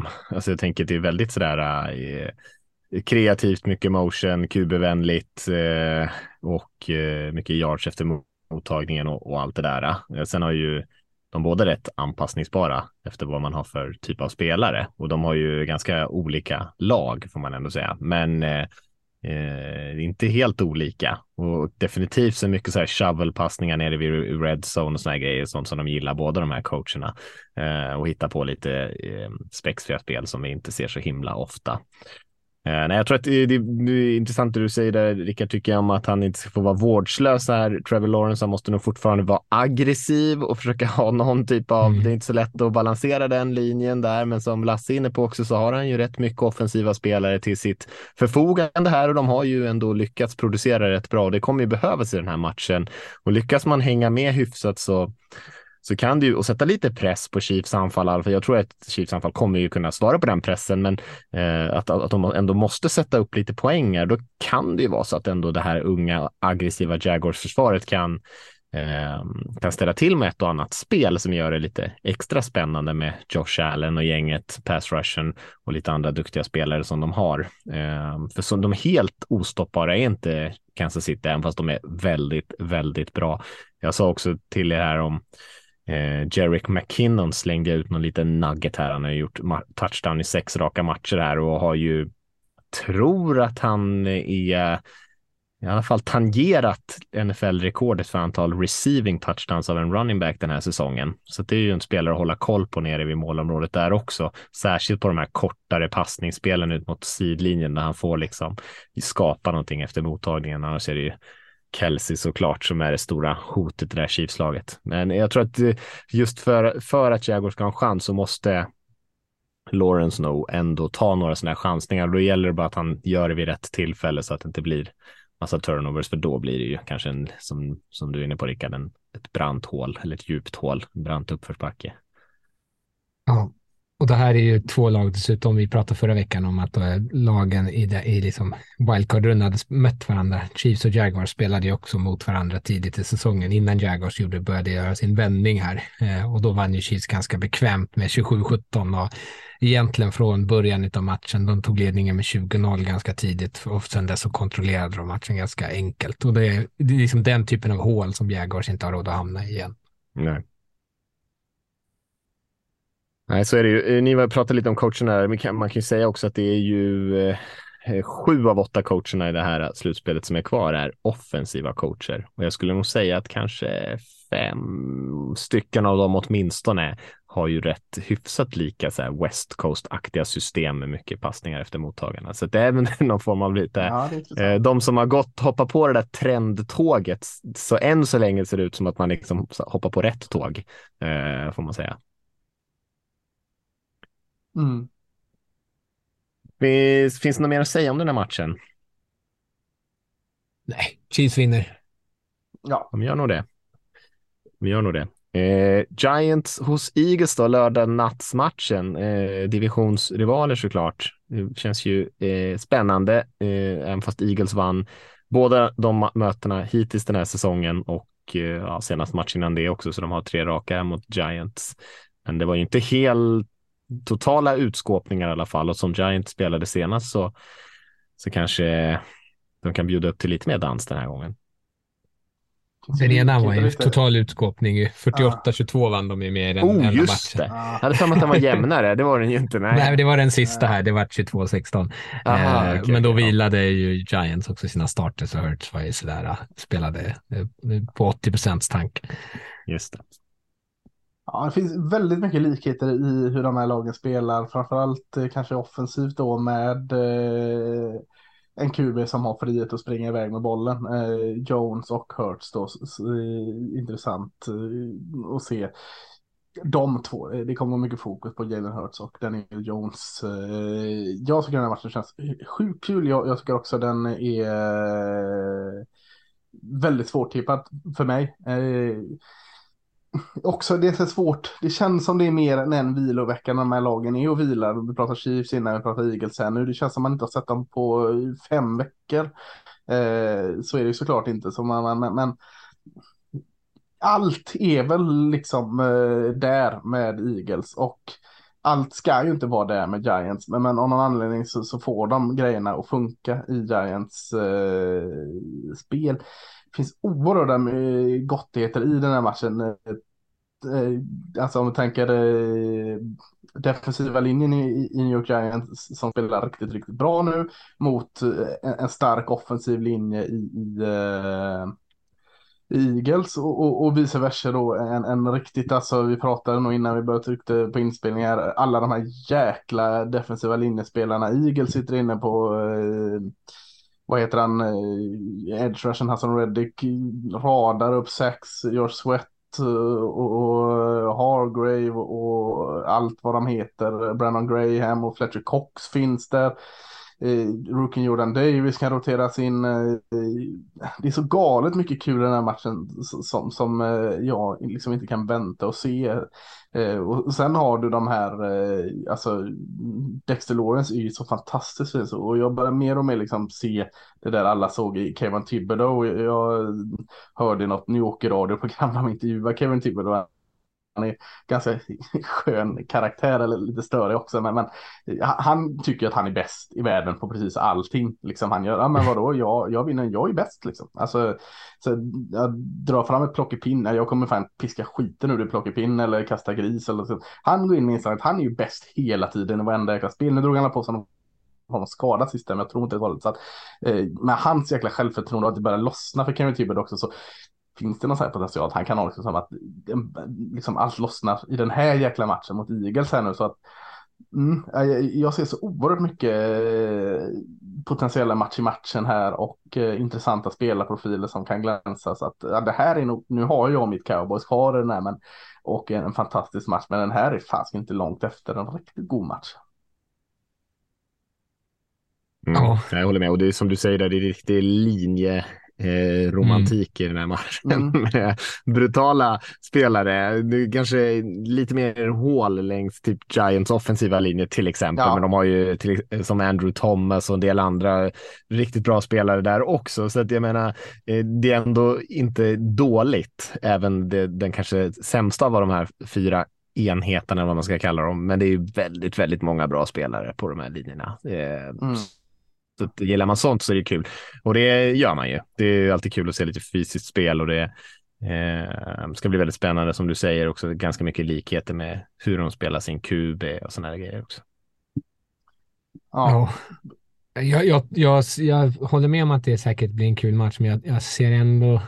Du, du, får den att låta som att den kommer att den är jämnare än vad den ja. kommer att vara. För jag tror ändå att Philadelphia, dessutom i vilan, kommer kunna vara. Det, börjar, alltså, det är så osäkert med hur det är med Hurts skada, men om man utgår från att han är åtminstone 95 procent så tänker jag mig att de kommer vinna den här matchen. jag skulle inte säga att det är bekvämt, för just det här med att det är en div divisionsmatch gör ju att det blir grisigt, men framför allt också det här med linjen som ni är inne på, att det, att det kommer att bli tufft. Men det här Philadelphia-laget är ju så otroligt eh, väl laddat med bra spelare och man har ett djup då eh, med vila i ryggen så känns det som att det är de, de kommer nog vara otroligt tuffa att göra med. Eh, och eh, Giants vann nu en ganska tung och slitsam match eh, nu senast. Så det är inte omöjligt att de kommer lite halv liksom, eh, utkörda.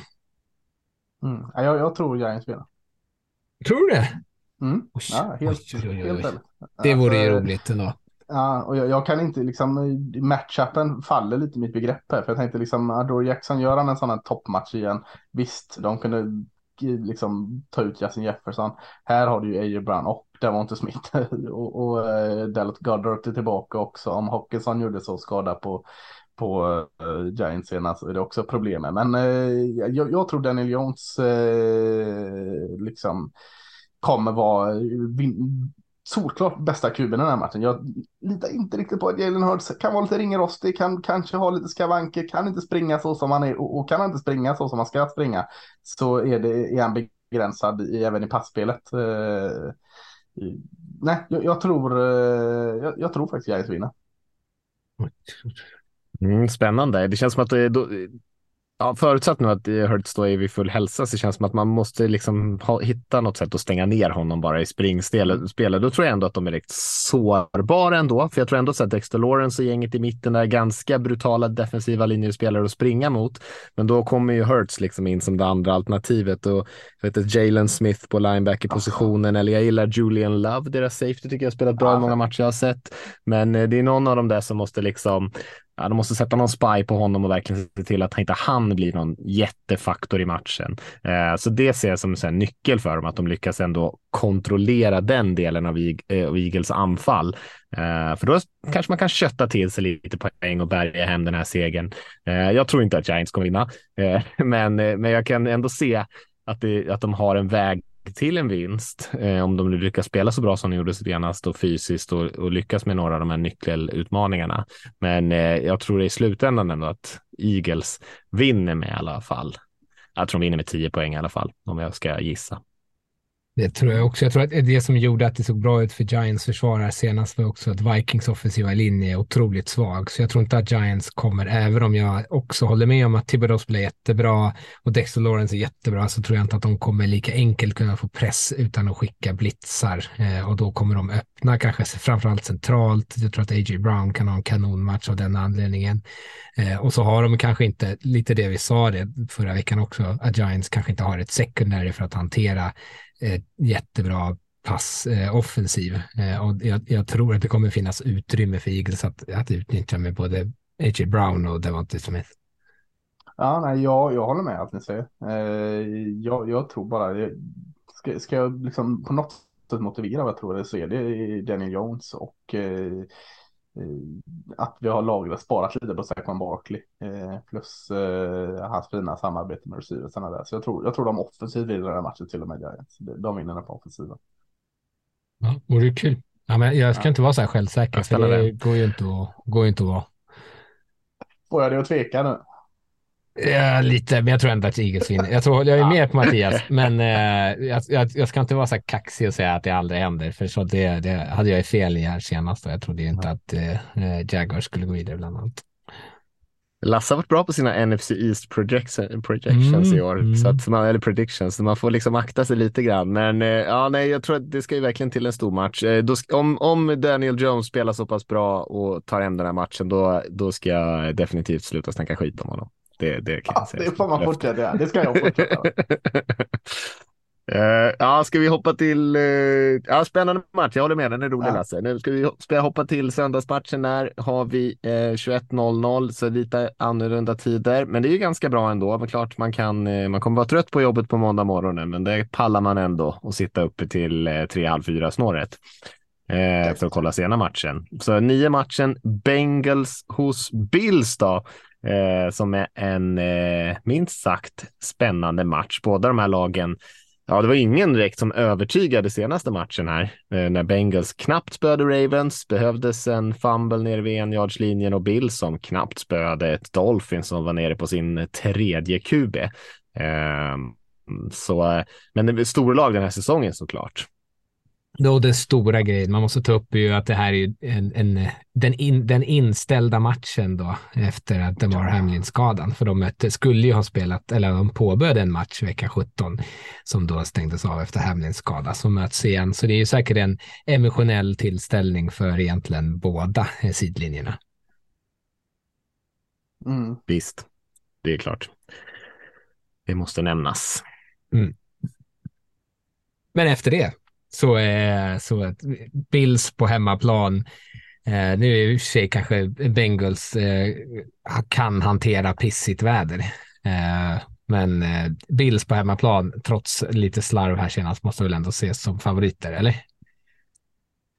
Ja, om du Mattias också sa där om eh, bekymren med offensiva linjen här i Bengals. Ja, det är det som oroar mig i alla fall. Det, ja, det är liksom ett större problem än Nej, men de som sagt har ju, har ju varit väldigt förskonade från skador, eh, Bengals i år och har ju också kunnat spela väldigt bra på sin linje eh, och verkligen förbättrat den. Och det är ju för att de har i stort sett inte haft några skador på den. Och sen så fick de lite skador här i slutet på säsongen, tappade två starters eh, och eh, såg, det såg lite skakigare ut och så nu tappar man Jonah Williams här senast eh, med en knäskada och då har man ju tappat tre av sina fem starters här bara på väldigt kort tid och eh, nej, jag tror att det är ett bekymmer för dem. De spelar med riktiga no names nu på den offensiva linjen eh, som eh, kommer få en utmaning. Sen pratar ju Lasse lite grann om att den här pass, pass rushen som Bills har är kanske inte liksom deras största styrka. Det är ju lite mer av ett kollektiv än vad det är några enstaka superstjärnor.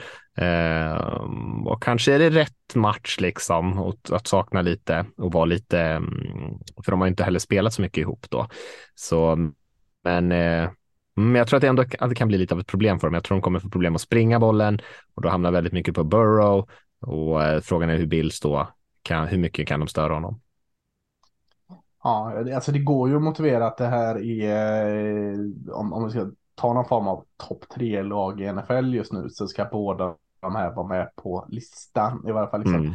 form eh, och allt sådant. Har man ju en, en power ranking så hade det inte varit helt upp mot väggen att säga att ja, båda de här lagen kan vara med i en topp tre-lista. Du, du, kan argumentera. Topp fem i varje fall kanske är mer rimligt. Så det, det är ju en stekhet matchup här. Eh, Eh, det finns ju ingen QB jag just nu känner mig kanske tryggare i då. Eh, alltså Mahomes visst, men, men alltså Joe Burrow. Det, han är, kan vara så här, han är ju inte en tråkig kube, men han kan vara tråkigt trygg liksom. Alltså det, det sker inte de här misstagen. Han, han åker ner i, i, i marken lite för ofta. Men det är ju inte som, som med, med Josh Allen där liksom när kontakten kommer för att de har röten eller en skadedrabbad offensiv linje så känner man ju sig knappt orolig att Joe Burrow ska liksom tappa, bort, tappa bollen på grund av det. Det är klart det har hänt också, men då är man mer orolig liksom att benpipa ska sticka ut till slut. Så att, eh, det går inte att räkna bort Cincinnati Bengals, framförallt inte heller med deras fina form och så många vinster de liksom har dratt upp i raden. Så att jag tycker också det mest logiska är Bills på hemmaplan. Eh, de har fått ur sig kanske en liten halvdan match. Det kan vara liksom en bra eh, slå eller liksom en eh, örfil i ansiktet att det är dags att vakna upp nu och prestera. Så att så rakt upp och ner så känns, känner jag Bills liksom favorit. Men, samtidigt gör det absolut inte varit förvånad om Jobber och, och hans mannar tar hem detta trots den här skakiga linjen. Men som du är inne på det att den skakiga linjen är, alltså, ja, det, det, kan, det kan bli brutalt här. Alltså. Ja, alltså det är så här, Jonah Williams var väl en, kanske den som man känner sig tryggast med eh, på den där offensiva linjen. Så att de tappar just honom är ju kanske också det som känns känsligast. Eh, jag gissar att de spelar, eh, vad heter han, Jackson Carmen som de mm. draftade förra året. Ja, precis. Och han såg, göra, ja. och spelade ju horribelt förra året. Och det känns ju väldigt nervöst. Jag såg någon eh, på någon Twitter eh, breakdown av matchen här mot Ravens, att Ravens lyckades få den här pressen på Burrow också utan att blitza genom att bara göra olika typer av stunts eh, med sin defensiva linje. Alltså att de eh, lyckades på något sätt förvilla vem som skulle komma var och på så sätt kunde de skapa press också väldigt fort, men utan att de skulle behöva offra så mycket i sitt pass coverage. Eh, och, och, då är det ju svårt, då måste ju bollen ut jättefort, så då handlar det egentligen bara om att se till att man sätter tacklingarna i sånt fall, eh, liksom på öppen bana. Eh, och jag tror att man Alltså, eller jag tycker att man borde i Bills kunna liksom förutse en gameplan från Bengals håll som handlar om att bara få ut bollen så fort, så fort, så fort, så fort som möjligt. Och kan man liksom hålla det framför sig, se det, så kom, borde man ju kunna hitta ett, och utnyttja liksom det genom att kanske tvinga fram en interception eller åtminstone hålla dem liksom kort om the sticks hela tiden. Ja, jag, mm. jag, jag vill också det kommer ju liksom säkert att...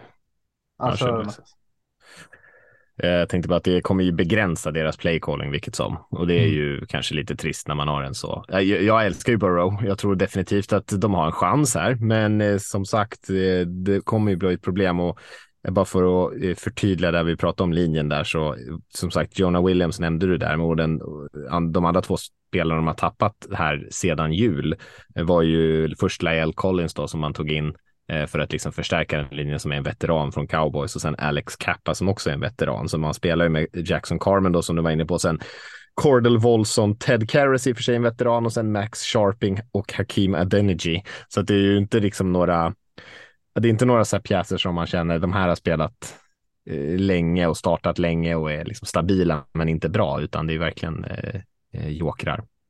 Mm. Jag tänker också alltså att uh, Leslie Frazier och, och, försvaret i Bills uh, spelar med tålamod här. Liksom. Låt dem liksom successivt bryta ner. Uh, de, som du sa där Mattias, de, de kommer ju med ett djup och de, liksom, de, de, de blitzar eller attackerar rushen med, med kvantitet kanske snarare än kvalitet.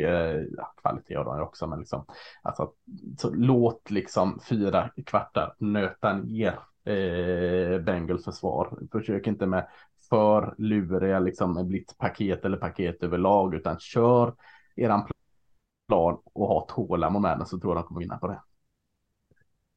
Det tror jag också. Mm. Och inte hålla på och slarva då som de gjorde mot Miami. Eh, för det kan man väl ta med sig att så här, eh, Chargers förlorade för att de slarvade och Bills klarade sig trots att. Eh, och, och, mm. Bengals vann kanske också för att Ravens slarvade. Så det är ju så här, eh, inte låta lag hänga kvar om man har möjlighet att dra iväg och inte liksom stå med de här kostsamma misstagen i slutskedet. Och då kanske nu ser jag Bills ändå som en favorit, dels för den offensiva linjen och sen för hemmaplanen, att de kanske inte ska se till att, de ska liksom se till att matchen inte är jämn i slutet så att Burrow kan hålla på med sin magi som liksom var framgångsreceptet i fjol för dem. Mm. Ja, visst. Kommer de in i någon situation där det är liksom softare coverage för att man ligger i ledning, det är hurry up från Bengals och sådär, ja då, ah, då tar man liksom bort pass rushen och linjen lite grann ur ekvationen. Så att eh, man vill ju inte hamna i en sån situation där matchen fortfarande är inom räckhåll eh, helst. Och det är ju lättare satt än gjort. Ja. De har typ väldigt bra lag som har typ vunnit åtta raka matcher eller någonting. För nu låter det som att vi pratar om Bengals här som enorma underdogs, så det kanske är att överdriva. Men den här linjeproblematiken får man ju får man tycka vad man vill om, men det, men det kan ju vara ett problem för dem. De har ju varit så bra tycker jag för att de har varit så stabila på båda sidor av bollen. Kanske inte så här haft de högsta höjderna, men väldigt eh, eh, högt golv på det här laget på båda sidor av bollen.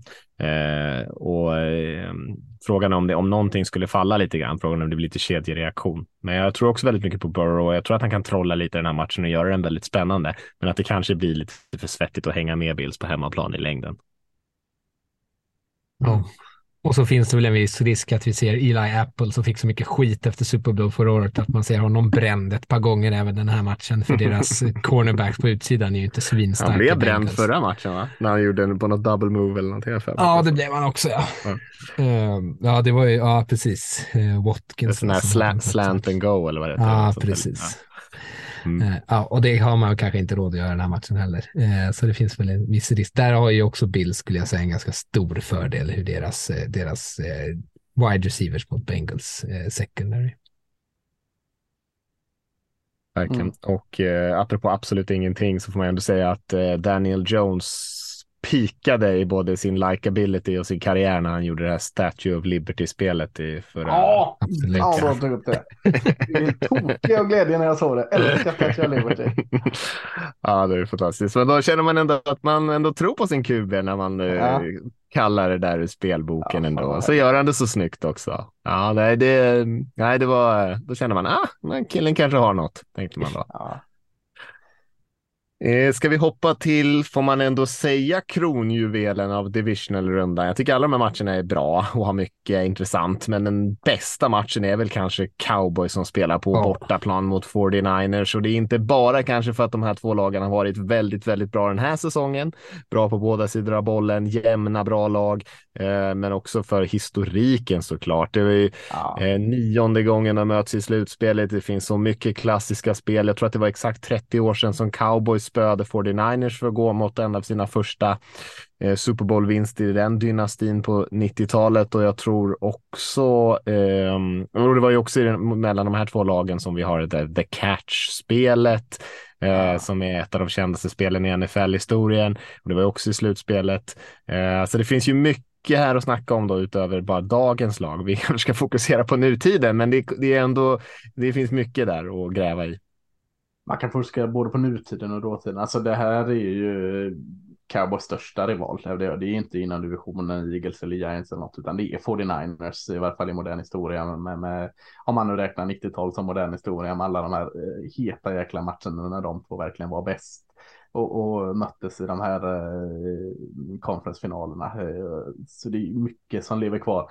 Gammal men, men eh, förra året också. 49ers slog ut eh, Cowboys. Cowboys eh, kom in som favorit hemma och 49ers gick och vann den lite som underdog. Så att det, den är ju där nu också mellan spelarna på planen, den här rivaliteten. Så att Eh, Eh, ja, det, det, är en jättematch. Jätte, jättematch. Det är, jag hade hellre mött eh, Eagles eh, känner jag än jag är mer rädd för 49ers. Men, men jag gläds också åt att den här matchen får spelas för att den är så himla god. Tänker alltså, kollar man liksom över hela brädet så, ser jag 49ers som favorit. De är det bättre laget skulle jag säga. De, de, McCarthy får kanske lite lite onödigt mycket skit ibland, men eh, jag tycker Shanahan är bättre coach, han är bättre coachade. Eh, så, så bara ur det aspektet så ser jag, visst 49ers är favoriter, hemmaplan dessutom med Santa Clara. Eh, men, men jag gillar på något sätt eh, ändå Cowboys, eller eh, möjliga matchup här. Framförallt eh, Cowboys försvar mot det här då, eh, 49ers eh, anfallet eh, med Brooke Purdy som Rickard var inne på förra veckan, det, Dan Quinn gör inget speciellt med sina, inte så stora paket här. Här, här har han fem, sex persrusher som, som turas om i sin tur och, och jag, jag, tror, fortsätt med det, jag tror de kan få press på Brook Purdy och eh, Brook Purdy är inte den kuben som lägger ut de här långa djupa bollarna på utsidan där också Cowboys haft problem. Eh, de har Diggs på ena sidan på andra sidan har de haft väldiga problem. Så, så det är inte heller hotet. Leighton Vandresh är tillbaka i, i gammal god form uppe i mitten. Mika Parson kan, kan vara den här jokern överallt och, och kanske eh, att Christian McCaffrey och eh, eh, vad heter han, Debo Samuel passar, alltså det är inte några lag som vill möta dem egentligen, men de passar ganska bra för eh, Cowboys försvar. Så att jag tror matchupen Cowboys försvar mot 49ers offensiv passar Cowboys bättre än vad det passar 49ers eh, i varje fall. Sen eh, handlar det ju återigen om att eh, Dak Prescott måste liksom göra, kanske inte exakt så här bra match som senast, men ja, det ligger så mycket, mycket press, det ligger alltid mycket press på quarterback i, i Cowboys, men där, där har jag svårare att se, jag, jag kan tänka mig att på samma sätt som eh, Cowboys försvar kan gynnas lite av detta så kan 49ers försvar också liksom eh, få ut väldigt mycket av den här matchen med, med, eh, med Bosa och Armstead och allt vad de heter där. Så att jag tror två försvar som, som kanske eh, kan eh, frodas i den här matchen tror jag. Ja, eh, det som gör mig lite orolig är den andra matchupen då med San Franciscos offensiv mot er, ert, säger jag då, men mot Dallas mm. Eh, försvar ja. är väl det, det, lite det som du var inne på. Dan Quinns ganska statiska försvar gör att Shanahan och hans skissmani ändå vet om typ, ja men om vi gör så här, vad är det mest troliga svaret från Dan Quinns försvar?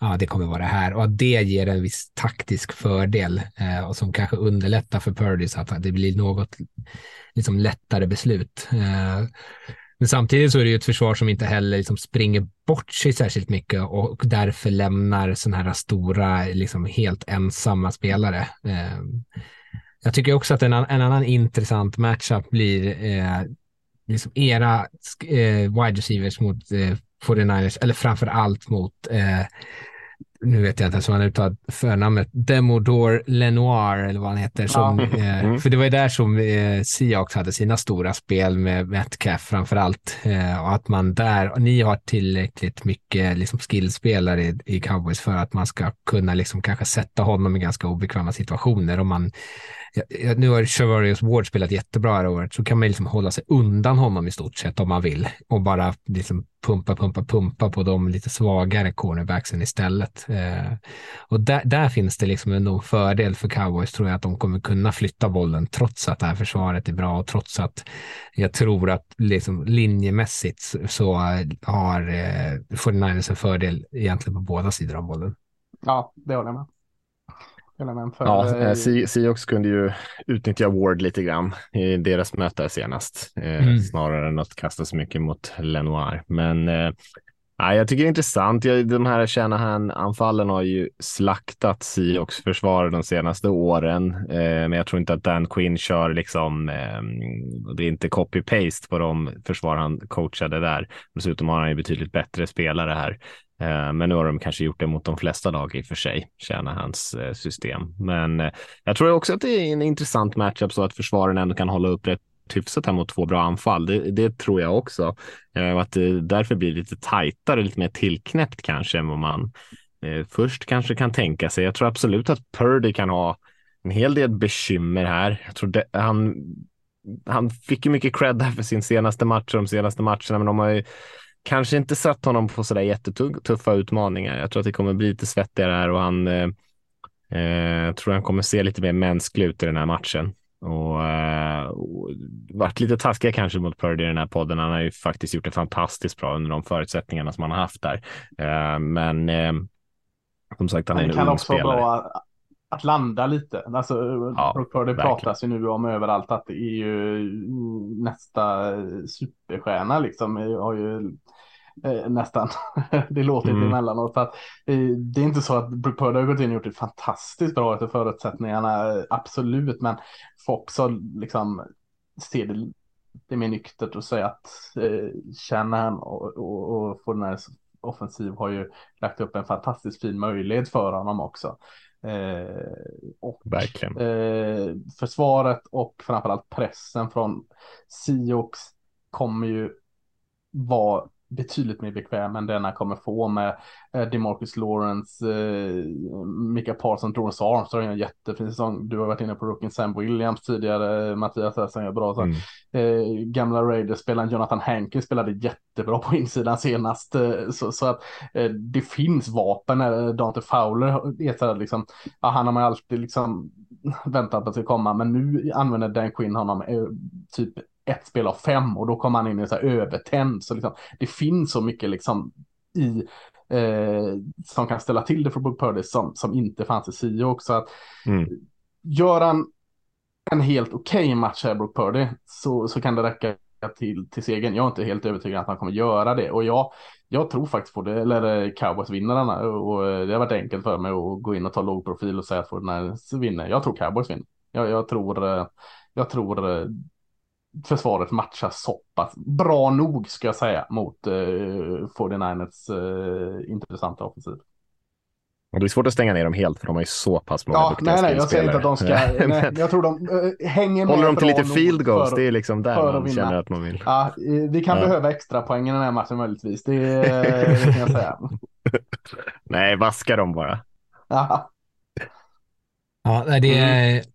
det känns ju som eh, alltså, ja, det känns som att det kan bli jämnt, och, men det är, det är så lätt att säga att så här, ja, man väntar lite på att Brock Purdy kommer kanske falla tillbaka. Det, nu har ju liksom kanske snacket om honom gått alldeles för långt, det här med att han skulle vara någon sorts nästa superstjärna. Eh, men han har ju å andra sidan spelat bättre och bättre och bättre. Och, men det är ju man sitter ju lite kanske och känner att så här, men nu snart kommer det här stora steget tillbaka eh, och hur ska han i så fall svara på det? Och det är inte omöjligt som du är inne på, Lasse, att det kanske kommer, det blir lite tuffare den här matchen och blir det det, ja, då kanske det kommer någon interception, det kanske kommer något dumt spel, det kanske kommer då lite tveksamhet att han inte spelar med samma liksom, självförtroende som han gör och det kanske liksom då kanske de liksom inte kan vara lika aggressiva eller lika explosiva i anfallet. Mm. Nej, och jag, sen, sen tror jag att de kommer fortfarande spela liksom med det här ganska safea passningsspelet med honom. Ja. Alltså de, om, de, om de flyttar bollen eller får stora spel så kommer det ju vara liksom en screenpassning eller någon wheel route till, liksom, till McCaffrey eller att Debo gör något fantastiskt eller eh, ja, var, vilka alla andra sina skillspelare som de har där som, som hittar på någonting. Jag tror att de kommer fortsätta spela det systemet. De kommer liksom inte sätta dem, även fast de hamnar i situationer där de kanske har tredje och lång så är det svårt att se att de liksom eh, ber honom göra något, liksom försöka trycka in kast i tajta fönster och sånt där. Man litar nog så pass mycket på sitt försvar att man håller den här tajt och att eh, man liksom gör det man är bra på. Eh, så att eh, jag, jag tror ändå han kan här, göra en hyfsat statistisk match så, men att liksom överkomma hindren och sådär när matchen blir tajt och att det kanske in, blir lite svårare att avsluta serierna ordentligt och att Cowboys kan hålla dem till lite field goals. Man får några stora spel här och där, men annars kan det gå lite trögt. Men det kan jag definitivt se framför mig. Ja. Men tror du att 49 om Lasse tror på Dallas, då, tror du på 49ers eller på Dallas? Um, jag tror på... Oh, jag tycker den är så jävla tajt. Jag vet faktiskt inte riktigt. Vad tror du? Jag tror ändå att 49ers tar den här. Jag tror att eh, det kommer mm. hållas ganska tajt, men jag, jag, jag, tror ändå att de gör det. Och sen Dallas såg bra ut nu senast, men det har varit lite upp och ner med dem tycker jag. Eh, ja, det håller jag med. Jag kan också ha lite övertro just nu efter sista matchen. Ja, och det, det finns lite samma grej då, om, om man tänker att eh, Purdy går in med för mycket självförtroende och tar snedperioden så kanske Dallas går in med samma och, och har Dak en match där han kastar två interceptions så kommer de torska nu. Mm. Ja, jag vet inte, måste jag tippa den? Jag har ingen riktig känsla åt håll faktiskt. Jag tycker den känns verkligen 50-50. Uh, eh, jag håller med om fördelen liksom på QB-positionen i den här matchen. Men samtidigt, 49 såg ut som en sån jäkla maskin senast. Nu mötte de ju ja, enk enkelt motstånd i Seahawks då, som liksom haltade sig in i slutspelet får man väl säga. Och försvaret definitivt inget större motstånd för dem, men de har ju sett, ofta sett så där bra ut. Um, jag vet faktiskt inte. Jag lämnar den helt osagd just nu tror jag. Jag har ingen riktig känsla. Jag tycker den känns jävla, ja det är lite fegt kanske. Uh, kanske måste tippa den då. Det räcker. Ja, men... mm, då säger jag också cowboys. Ja, välkommen. Jag vet inte om det är bra eller dåligt. Troligtvis dåligt. Jag tror att San Francisco kommer vara sådana här poddmördarlag. Har de plockat ut Mattias lag, nu tar de ut klassen. Ja, det skulle ja. vara jävlar alltså. Brock Purdy. Ja. ja Veckans NFL Assassin. Intressant också, det är ju här alltså NFC som fick så eh, med all rätt mycket skit förra året har eh, tre och fyra lag i NFC-slutspelet. Ja, det är sjukt. Eh, ja, det är galet. Och eh, fjärde laget som var med länge i kampen om att också ta slutspelsplats. Så att eh, eh, ingen kan gnälla på att det är förutsägbart den här sporten. I alla fall. Nej. Nej, verkligen inte. Eh, och Jaguars också som är med här gick ju från första valet i draften till divisional-rundan. Mm. Tror aldrig hänt mm. förut heller. Eh, ja, det, det finns mycket att snacka om. Men mm. fyra roliga matcher känns det som och eh, om eh, wildcard-rundan kändes lite ojämnare så känns det som att även fast man kanske har någon favorit här och det är väl första matchen kanske man har en väldigt, lite tydligare favorit, men det är ändå känns som att det, man skulle inte bli så helt chockad om det, om det blir lite roliga matcher i någon av de här matcherna. Och det lär, det lär ju bli det så som den här säsongen har sett ut. Fortsatt med jämna matcher i wildcard-rundan. Ja, det hoppas vi verkligen. Mm. Eh, som sagt, lördagmatcher och söndagmatcher, så glöm inte bort det. Och eh, annars säger vi så för oss då och så eh, hörs vi i eh, nästa vecka och då vet vi vilka fyra lag som ska spela i Conference Championship och göra upp om en plats i Super Bowl. Så eh, ha en eh, fin helg här och hoppas att matcherna blir spännande för allas vår skull. Ha det gott. Ha det gott.